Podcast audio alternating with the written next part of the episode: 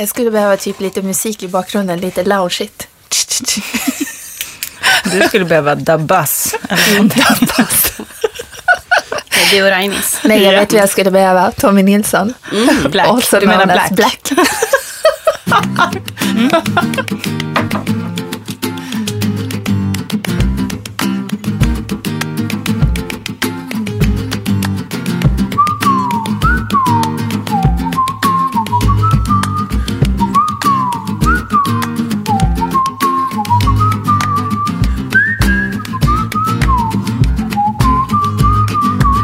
Ja, men är vi annars i fin form idag? En av oss är det i alla fall. Men jag, Åsa är jag inte i fin form. Fan, jag har ju käkat en macka nyss. Jag känner mig jättepigg. Ja, vad bra. Kul. Då är det dags för Bokpodden nummer 10. Och den gör vi tillsammans med nätbokhandeln Bokus.com. Okej, i fråga om översättning som är dagens tema. Vad ska Johanna K göra? Eh, jag har läst en översatt bok. Oh, Mm. Eh, den heter Adams arv och är översatt från tyska. vad ska Åsa göra? Jag ska träffa en översättare. Punkt slut. Fråga på det. Det är ditt bidrag idag, det är bra. Och JK träffar en formgivare som är med i förlagsserien. Yes. Vad heter hon? Hon heter Anna Winberg. Då är det bara att starta.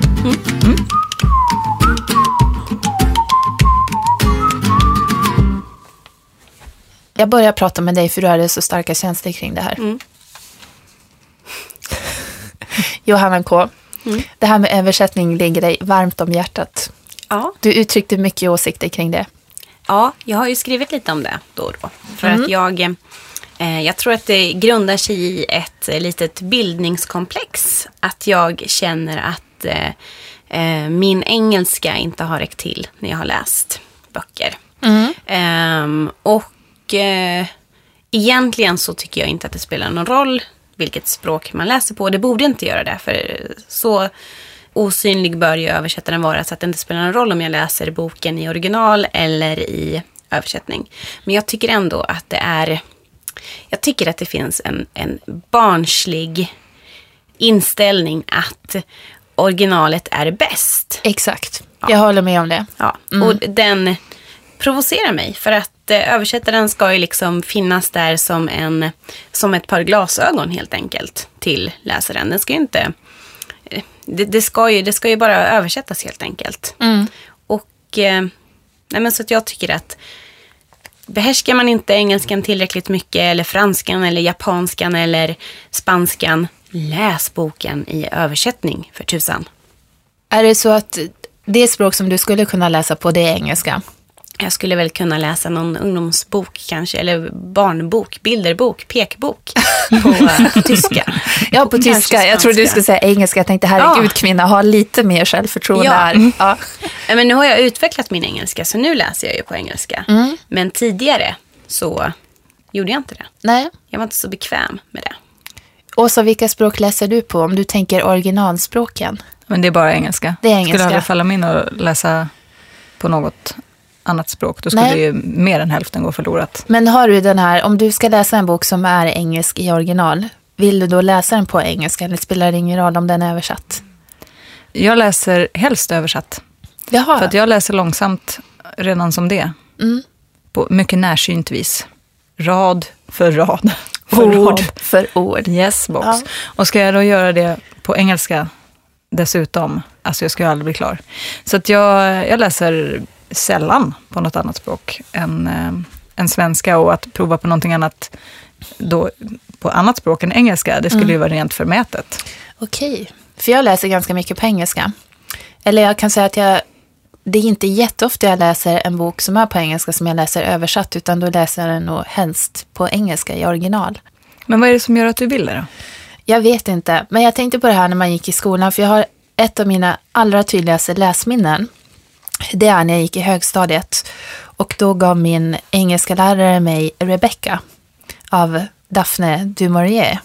Eh, och då var det en riktig roman, för i skolan får man ju ibland börja läsa de här förkortade romanerna, ni vet, de är anpassade och bearbetade och det är inte den riktiga texten.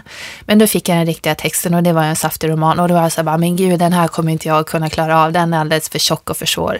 Nej, sa hon, jag tror att du klarar det. Och då läste jag den romanen och det var verkligen en aha-upplevelse. Det var så himla härligt att jag klarade av att läsa den. Och då tänkte jag, det här är fantastiskt. Man kommer inte, jag kommer inte ihåg när jag lärde mig läsa, men det kändes ungefär som där, jag har knäckt koden. Mm. Eh, och sen det så har jag alltid läst mycket på engelska, så jag har liksom bara fortsatt att läsa engelska böcker, plus att jag sen har pluggat engelska och varit i USA, så att nu känner jag att jag läser obehindrat på engelska. Så jag tycker bara helt enkelt att det är roligare. Det är en giltig anledning, eller hur? Mm. Att man tycker att det är roligare. Ja, men och sen så läser jag för att det är det här som jag tycker är så himla härligt med att läsa, speciellt om jag tänker en amerikansk författare, att på något vis är jag i den kulturen då. Mm. Alltså jag får vara i det samhället. Jag gillar, säg New York, eh, jag gillar att läsa om New York och då om jag läser om New York på engelska så känns det ju ännu lite närmare än om jag skulle läsa översatta termer mm. på något vis. Förstår ni hur jag menar? Jag förstår, mm. fast samtidigt så tycker jag att eh, jag är ju en, jag älskar ju svenska och jag tycker ju att det finns så många härliga ord och uttryck på svenska. Så jag kan nästan tycka att det är roligare att läsa dem på svenska än på engelska. Ja, absolut, men det är liksom hela kontexten som på något vis glider över. Mm. Och det där tyckte jag var så himla intressant för att en av mina böcker som jag skriver själv ska bli översatt till tyska. Och då så fick jag veta det här och sen så dröjde det jättelänge för det var ett tag till boken skulle komma ut och då hade inte jag någon aning om kommer eller översättaren att kontakta mig? Eller hur funkar det? Mm. Översätter de den bara och så kommer den ut och det dröjde jättelänge men sen så fick jag ett mejl av översättaren och då var det just de här fina orden på svenska som hon ville ha förklarat. Mm. Eh, för hon fattade ju inte allting. Och då så hade hon en lång lista med begrepp som hon inte riktigt hade förstått i min bok. Det är en bok som heter Välkommen hem. Och då var det till exempel en allmän sak som jag inte tyckte var så svårt, transfetter. Mm -hmm. Det tycker man, det kanske de borde ha i Tyskland, men uppenbarligen inte. Lucky people. Ja, det har de nog inte alls. Nej. Och sen så var det också lite mer sådana här specialgrejer som att till exempel jag använder uttrycket KK, knullkompis. Fick jag förklara vad det var. Men hur, vet du, hur du, vet du vad det heter nu på tyska? Nej, det vet jag inte. Men gud vad roligt det hade varit att få höra det. Vi får se det sen. Grejen är att jag kan inte tyska så jag kommer inte att kunna lista ut det här. Det hade varit ännu roligare att få höra det. Ja. Mm. Sen så ville hon veta dammsugare och då i form av bakverket. Ah. De fikar mm. dammsugare och det hade hon ingen aning om vad det var. Det är ju svenskt. Mm. Hur förklarade du det? jag sa nog fikabröd, helt enkelt. Okay. Det är en punschrulle. Ja, en punschrulle. Ja. Mm, men jag tror inte de har det i Tyskland. Mm. Allt som blev över när, när dagen var slut malde vi ner. Jag kan säga så specifik var jag inte Åsa i min beskrivning. Jag sa nog bara fikabröd. Du bara följ efter mig nu ord för ja. ord. Allt som blir över. Plötsligt blir den här boken 50 sidor längre. Men sen så var det också att jag hade använt en Håkan Hellström-titel, Kom igen Lena. Och det hade hon ju av förståeliga skäl inte så stor koll på vad det var. Och så var det lite så här slang, osis, alltså otur. Mm. Också så här, gör vågen. Tänk, det tänkte jag var ganska internationellt. Man gör vågen. Mm. mm. Ja, fotbollsspelare och så vidare. Eh, och sen det här svenska uttrycket att vabba. Mm. mm. mm. Så då fick jag förklara de här på en blandning av svenska och engelska. Vad det var för någonting. Vilken var svårast att förklara? Eh, vilken var svårast? Ja, men till exempel när jag hade skrivit någonting att de här när de var små har de spelat burken. Ni vet den här leken. Och då mm. börjar jag inte förklara vad är burken, de här reglerna. Utan då blir det liksom bara en lek. Mm. Mm. Tänk om burken heter Das Burk. Jag vet inte. Tänk om den heter Das Båt. Jag, jag, måste säga att jag skulle vilja ha en sammanställning över alla ord som översättare mejlar till svenska författare. Ja. Jag måste ju säga någonting om Sverige. Mm. Dammsugare, KK, Babba. Ja. Det är sånt vi gör. Ja. Och Sverige på 2010-talet. Ja, det borde verkligen någon komma på att göra. Jag tycker det är jätteintressant. Mm. Ja.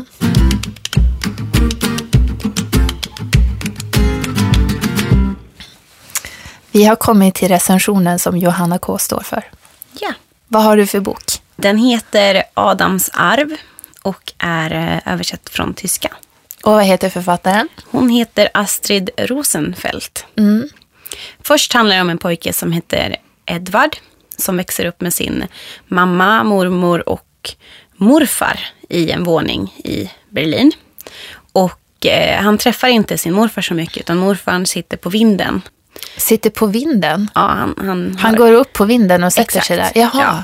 okej. Ehm, och eh, den här Edvard påminner väldigt mycket om morfarns bror Adam. Som är familjens svarta får som försvann under kriget med familjens pengar. Och sen så mm, blir, blir Edvard vuxen och eh, försöker liksom hitta en roll. Vem är han? Han är alltid liksom den som liknar Adam. Men han försöker hitta vem, vem, är, vem är jag? Han eh, gör eh, sig en karriär på att knyta några konstiga dockor som han säljer dyrt tillsammans med sin kompis designer jeans. Det är en liten udda historia. Det, då är det nutid. Eller det är åtminstone 2000-tal. Och sen så kommer Edvard hem till mormors våning. Morfar har dött för länge sedan. Och hittar ett dokument som Adam har skrivit. Den här morfarns bror. Han som har försvunnit. Ja. Och då blir det liksom en ny del i boken. För den delen handlar bara om Adam. Och om hur Adam växte upp liksom precis innan kriget. Och han är väldigt bra, han är väldigt nära vän med sin, sin mormor. För han bor tillsammans med sin mormor och sin mamma och pappa och bror. Då, och då är bron Edvards morfar eh, i, i samma våning. Och sen så träffar Adam en tjej. Ehm, och som alltid, nej inte som alltid, men som ofta i böcker så träffar han en tjej. Och som läsare så är man inte riktigt med på vad det är som är så himla speciellt med deras förälskelse. Men hon försvinner, för hon är, de är eh, judar, så hon försvinner till Polen. Och eh, han utger sig för att vara en tysk kille. Så han åker till Polen bara för att leta reda på henne. För han älskar henne så mycket. Och där händer det ju massa förvecklingar eftersom han antar en tysk identitet. Um, och på så sätt så får ju vi som läsare och Edvard lära oss mer om vem Adam egentligen var och om hans öde. Mm. Jag tänker på att den här tjejen som har skrivit boken, hon heter Astrid Rosenfeldt alltså, och hon är född 1977. Hon är två år äldre än jag. Och hon är lite som en gubbe som berättar. Det kanske är fördomsfullt av mig att tänka så, men hon är lite, eh, ja men hon har som ett eh, sätt att berätta som om hon vore en farbror som har levt väldigt länge. Det är lite eh, skojigt. Ja. Sådär. Lite eh, lite dråpligt, lite nu ska jag berätta den här historien. Samtidigt som hon liksom, det känns som att hon verkligen tar sin historia på allvar. Hon berättar stort och brett. Hon berättar liksom som en, ja men det känns som att den här boken den har blivit jättepopulär i Tyskland. Och det känns som att, jag förstår varför, för att hon, hon hon tar sig an en stor historia verkligen känns det som. Vad är det för tema då? Eh, kärlek, men sen har vi ju hela eh, förintelsen Ja. i bokens andra del. För den, eh, som läsare så vet man ju att det, att det vad som pågår.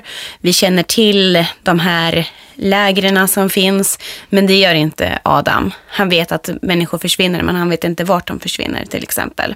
Men då låter det här verkligen som en tysk bok. För att det behandlar tysk historia och det tyska samhället, eller hur? Ja. Det, den här historien hade inte kunnat utspela sig i England eller Sverige. Nej, absolut inte. Men det känns, den här boken känns inte som den kunde ha getts ut tidigare. Nej. För hon tar sig an hela kriget och hela förintelsen. Nästan så att man... Ibland så tycker man att det nästan är lite för hjärtligt. Det, det blir lite för skojigt. Men börjar det tangera det där, kan man skämta om allting? Inte riktigt så mycket, men jag menar... Det, hon skulle väl kunna arbeta lite, eller hon skulle väl kunna skriva lite mer om att eh, hur hemskt det egentligen var. Men å andra sidan finns det ju väldigt många Ja. romaner som handlar om det. Mm. Och det här är en annan roman. Mm. Det är en rekommendation. Jag tycker man ska läsa den. Särskilt för det här... Jag blir så imponerad av så unga människor. Jag vet inte, hon skrev ju den för några år sedan antar jag. Att, att, hur kan hon ha den här historien i sig? Jag blir så avundsjuk. Och du sa att hon nästan skriver som en liten gubbe. Behöver man känna sig som en liten gubbe för att uppskatta den här boken? Nej, absolut inte. Utan man kan... Eh, nej, det tycker jag absolut inte. Utan man kan tänka att... Eh, tänk att det bor en liten gubbe i henne. Men man kan ändå vara en ung kvinna själv. Men som avslutning, du tycker att den är läsvärd? Ja, mm. inte till dig kanske. Nej. Nej, det känns inte som en bok som du skulle läsa. nu kommer vi in på det intressanta. Andra. Varför inte? Jag tror inte att du skulle gilla det här uh, muntra tilltalet. Åh, gud, är det en skröna? Ja. Åh nej, vad hemskt. Ja, äh. Så ingenting för Johanna L, men för er andra. Mm.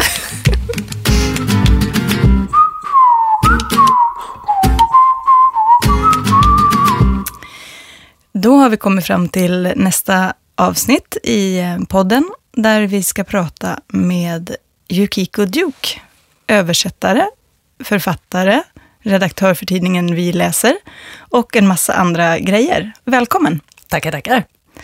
Du, du är främst här idag för att prata om översättning. Och när jag kontaktade dig för att fråga om du ville vara med, då sa du så här, åh, översättning kan jag prata om hur länge som helst. Berätta, varför känner, varför känner du så passionerat för översättning? Ja, men det är så roligt att översätta. Du får ett litterärt verk i din hand och sen har du förtroendet att försöka överföra det verket med känslor och med de målande beskrivningarna, eh, med allt som finns i ett litterärt verk, över i en ny språkdräkt. Det där är för alla människor som har minsta lilla uns av, vad ska vi säga, rebuslösande eh, karaktär så är ju det, det är ju verkligen helt underbart. Det är så roligt. Så man måste vara lite pusselläggare? Liksom, ja, men det tror jag. Mm. Det tror jag. Det underlättar åtminstone. Och att man tycker om språk och språkligheter och eh, tänker sig språk som kanske en form av musik. Att det ska finnas en rytm, det ska finnas rätt sorts nyanser när du överför. Um, varje författare har ju en karaktär som visar sig i det han eller hon skriver och det ska ju överföras i en ny språkdräkt och det är så spännande att hålla på med. Och svårt, tänker jag. Ja, det kan det ju vara. Framförallt så tycker jag att ansvaret ibland kan kännas lite tungt. Att, att man kanske skulle Yukiko Juk skulle inte säga så här, men mm. nu säger Haruki Murakami så här, mm. så att då måste det låta trovärdigt på svenska och hur, gör, hur får man det att bli trovärdigt? I mitt fall så översätter jag ju från japanska och den japanska kulturen är ganska skild ifrån den svenska, så då kommer det ju med också ytterligare en dimension där det handlar om att översätta kulturella fenomen och eh, sånt som är fullkomligt självklart för japaner är inte självklart för svenskar. Då måste man förklara kanske bakgrunden till en festival eller en sedvänja eller eh, ett tankesätt, ett ordspråk. Och det där är också väldigt roligt. Men hur gör, hur gör du det då? Ja, vi är ju två som översätter ihop. Det är jag och min mamma. Och eh, vi brukar sätta oss först intill varann och sen gör vi en slarvöversättning av boken. Det går fruktansvärt fort och det är mest en fråga om att bara översätta, bara få över boken på svenska. Och sen sätter vi oss och börjar knepa och knåpa och hitta rätt ord och då kommer det här rebuslösande in. Mm. När det gäller att hitta rätt ord och vi pratar väldigt ofta i termer av färg eller musik. Ehm, jag har, eftersom jag är född och uppvuxen i Sverige, så har jag naturligtvis lättare för svenska än för japanska. Jag pratar hyfsad japanska, men det är ibland lite svårt för mig att skilja på olika nyanser. Och det är precis samma sak för min mamma, fast då när det gäller svenskan. Så tillsammans så blir vi nog en ganska bra kombination tror jag. Men då kan det vara så där att man, jag säger att ja, eh, vi översätter det här till eh, han blev ursinnig och då säger min mamma det är för blått. Mm. Det är för blått. Det ska vara mera knallrött, mera, ja vad ska vi säga, mera ilsket än ursinnig. Jaha, han blev rasande. Ja, säger mamma, det är mera så som jag skulle vilja ha det. Så får vi hålla på sådär och knöka lite fram och tillbaka och till slut så kommer vi fram till någonting. Men det låter jättespännande. Det är som att ni har ett tredje språk inblandat. Alltså ni har japanskan och så har ni svenskan och så har ni ert färg, ert kodspråk liksom. Ja, men lite så. Lite så. Det där bara för att hitta då rätt nyans. För det är ju väldigt viktigt mm. och, just eh, få fram rätt nyanser vad det gäller i synnerhet känslor alltså. Just därför att japanskan i synnerhet är ett språk med väldigt mycket, där väldigt mycket ligger mellan orden. Det, jag vet att Kenza Baroe, nobelpristagaren, han sa någon gång att Japan is the country of the ambiguous, alltså Japan är, är eh, det dubbeltydigas land. Och det är väldigt mycket så. Det finns så många sätt att tolka ett ord på. Och det gäller liksom att landa rätt då när man är tvungen på svenska som är ett ganska det är ju ett väldigt eh, germanskt språk. Det är noggrant, det är precis och det är verkligen inte japanska. Så det gäller då att hamna i någon sorts mellanläge så man inte tar ifrån japanskan det här lite flytande karaktären som då det lite obestämbara, men att det samtidigt för en svensk berättar någonting. Händer det att ni uppfattar det här tvetydiga olika då? Du oh ja, herregud, vi har såna gräl, Åsa, vi har såna gräl! då är det rätt. Då är det Då rött. inget blått. Nej, knallrött. ja, vad spännande, det låter jätte, jättekul. Men för det som jag undrar, eh, som inte kan så mycket om det här, hur går det till när man får ett översättaruppdrag? Är det liksom, får man söka? Eller blir man tilldelad? Är det en audition? Finns det en jury?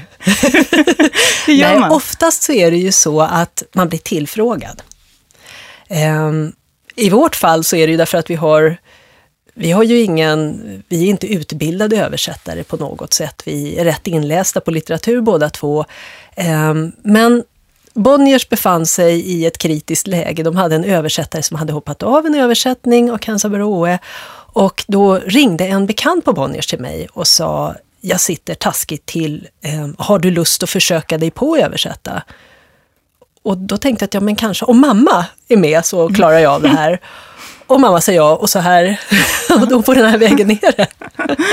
Men ofta så, det finns många vägar att gå. Om du hittar en jättebra bok som du vill översätta så får du försöka motivera varför du vill översätta den, varför det är viktigt att översätta den och sen får du gå till ett förlag och tala för din sak. Okej, så det kommer från det hållet? Alltså, Det, kan kommer du in- också Ah, göra. ja, ja. Det kan du också göra. I många fall blir, blir översättningar utlagda. Ehm, I vårt fall så var det ju då så att vi gjorde en, några översättningar av OE för Bonniers och sen hörde um, Gedins förlag av sig och sa vi har hittat den här fantastiska japanen. Han heter Murakami någonting och jag vet inte men uh, schyssta noveller, vill ni försöka? Och då sa vi till mig, det självklart att vi vill försöka. Vi visste ju att han var stor i Japan och vi gillade honom. Så att, Kul. Tror du att man måste, även om man själv kan söka upp ett förlag med, med ett förslag och så, men tror du att man själv måste vara skribent eller författare eller på något sätt arbeta aktivt med skrivande för att kunna göra bra översättningar? Eller räcker det med att bemästra språket? Det där är ju väldigt svårt. Jag vet ju akademiker som är fruktansvärt begåvade på och kan det japanska språket innan och utan och vet precis vad saker och ting ska heta. Men för den sakens skull gör de inte bra översättningar. Det är någonting annat. Alltså det, är, det är en sorts väldigt speciell språkkänsla tror jag som ska till. Ehm, en, ett visst mått av musikalitet och också ett visst mått av mod. Därför att alla översättningar är tolkningar. Du kan aldrig helt och hållet till 100% översätta en bok från ett språk till ett annat, utan någonstans hamnar du i lägen där du måste tolka. Och då går det liksom inte att gå bokstavstroget och bara översätta ord för ord och tro att det ska bli ett litterärt verk, för det blir det inte. Ja, du säger mod och det måste man ju, det tänker jag att det måste man verkligen ha. Ju mer du pratar om det, desto läskigare tycker jag att det verkar. Alltså ansvaret och ja, att på något sätt blir det ändå det blir din bok, fast det inte är din bok. Nej, men det är lite så. Man, man kan ta, vissa, ta sig vissa friheter, men inte hur mycket frihet som helst. Och i vårt fall så är det ju väldigt lyckosamt, för alla de författare vi har översatt, de lever. Så när man har hamnat i sånt där riktigt knivigt läge och tänkt, mamma säger att det här adjektivet är blått, och jag säger att det är rött, och var står vi någonstans då? Och så ringer man till författaren och säger det är lila. och då känns det ju väldigt bra. Det är väldigt, en väldig trygghet att kunna ringa den man översätter och faktiskt diskutera. På svenska har vi ett uttryck som låter så här. Det påminner väldigt mycket om det uttryck du använder, men det är inte precis detsamma. Får vi använda det här? Och då säger författaren ja eller nej eller skriv om. Och det är väldigt skönt att kunna göra det. Eh, du, när du själv läser då, Föredrar du att läsa på originalspråk då när du behärskar originalspråket? Ja, alltid. Därför att det är ju just det här med att det blir tolkningar. Mm. Och någonstans så känner jag att i den mån jag behärskar språket så vill jag höra eh, vad Åsa Sandoval säger på svenska och inte i den engelska översättningen, utan jag vill att du talar rakt till mig. Och då är det såklart lättast att gå på originalspråk. Men sen finns det ju översättare som jag känner att jag har full tillit till när de översätter från språk som jag faktiskt inte behärskar. Jag bara hör på något vis, jag hör en, ett tilltal och jag ser en musikalitet i språket som gör det njutbart att läsa och då är det en stor upplevelse det också. Då, Yukiko, tackar jag så hemskt mycket för att du kom hit idag och berättade om översättarkonsten. Tack själv.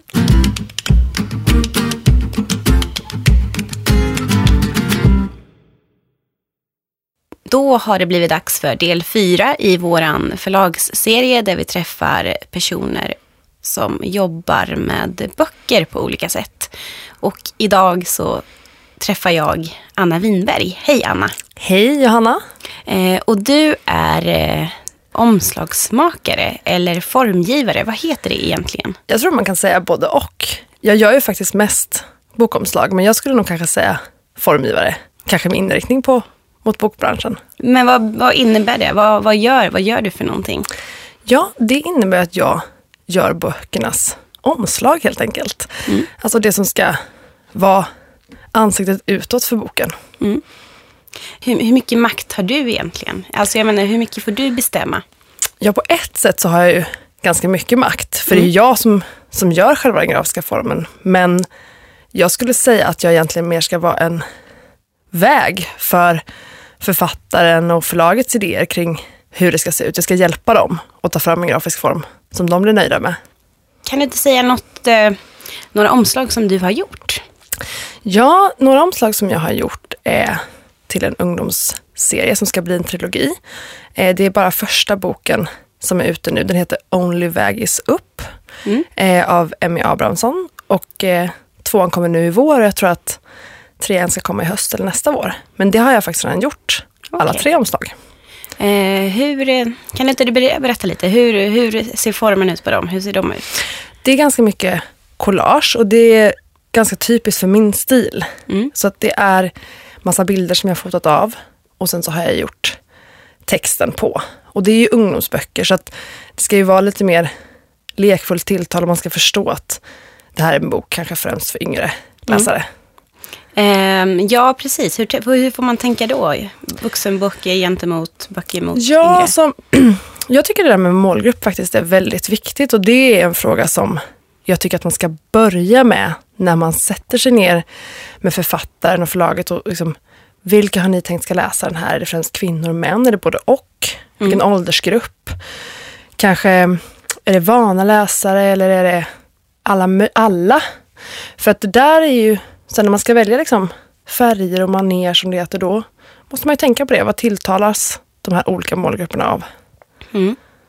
Måste man läsa boken som man ska formge? Ja, alltså det är lite av knäckfrågan kan man säga. Jag tycker att det är väldigt viktigt. Mm. Och jag har ju föreläst sådär ganska mycket om bokomslagsdesign och då trycker jag hårt på det att man måste läsa boken.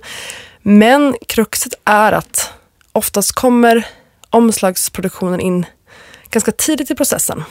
För att man ska sälja in böckerna till bokhandel och så, så långt innan de trycks. Mm. Så att det kan ju vara så att boken inte ens är halvfärdig. Det kanske finns tio sidor. Det här är liksom kanske något som är in the making så att mm. säga. Så att då får man ju läsa det man har. Mm. Och då kan man ju också intervjua förläggare, redaktör, författare. Vad handlar boken om?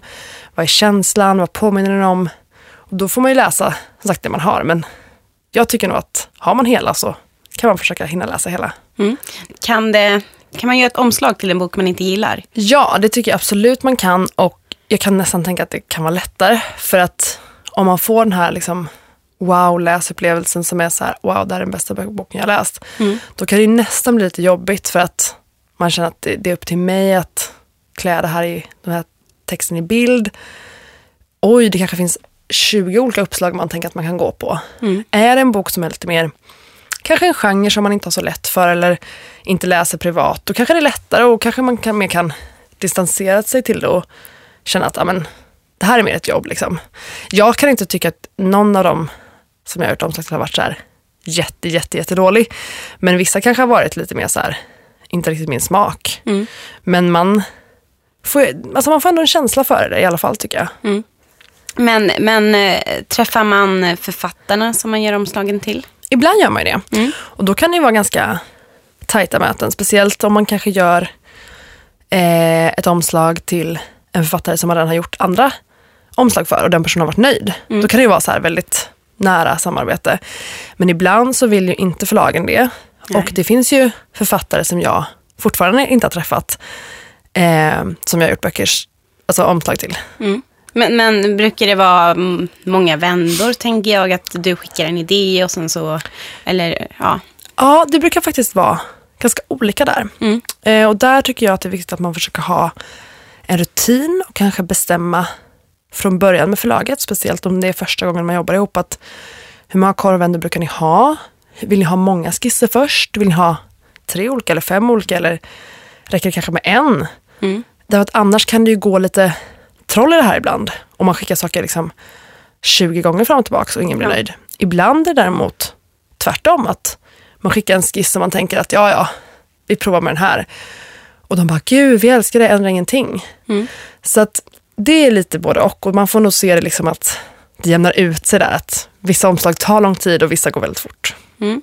Hur, är, är- hur är ett bra omslag?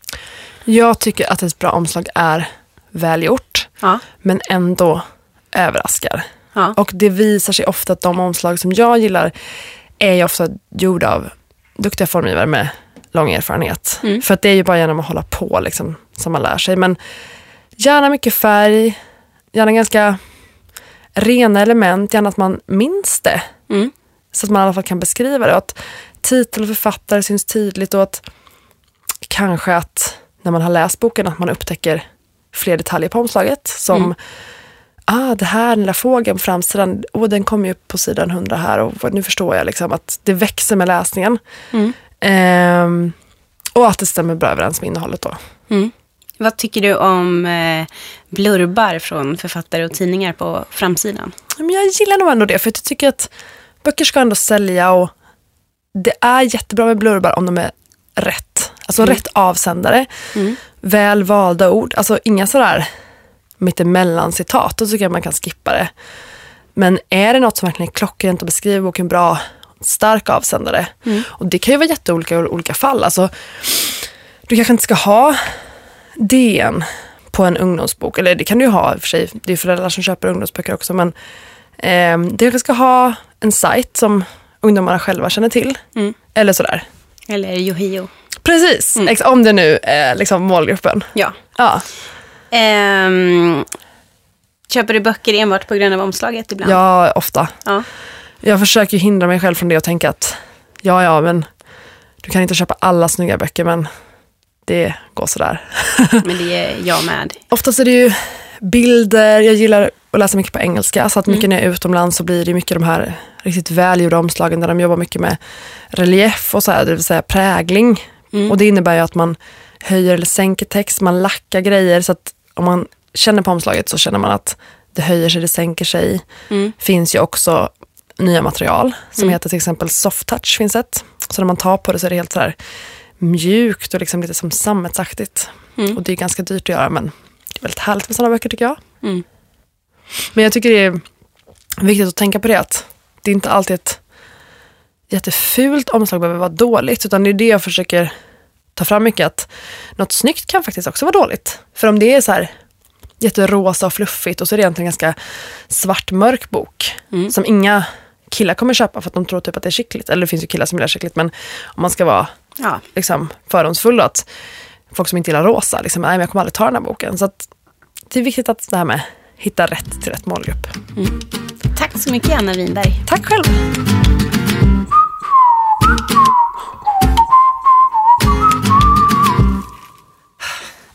Ni kissade klar. Känns det bra? Nu är allt på plats. Kan vi börja om från Vad det början? behövde. Nu är vi snart färdiga för, för idag. Mm. Eh, och när vi nu har pratat om översättning, det är väldigt spännande. Men ändå så är det så att i Sverige så är vi hemskt förtjusta i svensk litteratur. Om man kollar på topplistor så är det alltid, eller inte alltid, men det är väldigt mycket svenska författare som ligger på topplistorna. Och eh, vad gäller översättning så har det ja, liksom försvunnit lite grann de senare åren för att det säljer inte så mycket. Förlagen har skurit ner sin översättning. Det är svårare att, att få ut det till läsarna. Vilket ju är väldigt tråkigt. Alltså det blir begränsat att vi bara ska läsa svenska författare. Det går ju emot hela globaliseringen. Ja, det gör det verkligen. Mm. Och det blir fattigt, inskränkt. Mm. Ja, Är det så här i andra länder också? Eller är det en svensk trend? jag tror inte att det bara är en svensk trend, men jag kan inte riktigt säga så här i sten att det är så i andra länder. Men till exempel med, om vi tar engelska som är det stora språket, där har ju de fördelen att läser man på engelska kan man ju ändå få väldigt många olika världsdelar. Mm. Medan vi i Sverige har verkligen bara en pytteliten yta som är tillgänglig i vårt språk. Så våra erfarenheter blir ju mycket mindre. Mm. Men då vad gäller översättning, kan ni komma på någon bok där ni verkligen så här, åh jag är glad att jag läser den här översättningen av en eller annan anledning? Men jag är ju väldigt eh, tacksam att eh, Yukiko Duke har översatt Haruki Murakamis böcker. Ja, Min japanska är lite rostig. Så de hade inte jag fått eh, uppleva annars. Och det har jag tyckt har varit trevlig läsning. ja, Har du någon särskild Murakami-favorit? Jag tror att det inte är någon hemlighet att jag tycker att Kafka på stranden var en höjdare. varför den? Eh, nej, men det var den första som jag läste. Ja. Då, det är ju någonting magiskt med den första. Men vilken tycker du är bra Johanna, alltså av översatta? Jag tycker att det är eh, särskilt kul med de kulturerna som ligger långt ifrån den svenska. Ja, Och jag tycker att det är festligt att jag har kunnat läsa Naval El Sadavis, eh, den stulna romanen från Egypten. Jag tycker att hon är en eh, tuff kvinna. Jag tycker hon är jättebra. Och jag tycker att eh, det är bra att hon når ut. och jag har ju då, nu blir det här så lite tokigt för jag har en amerikansk översättning. som jag läser på original, men den här jag läser i översättning. Och den går ju emot det här att jag tycker att vi ska bredda oss, för USA är ju en, en kultur vi har koll på.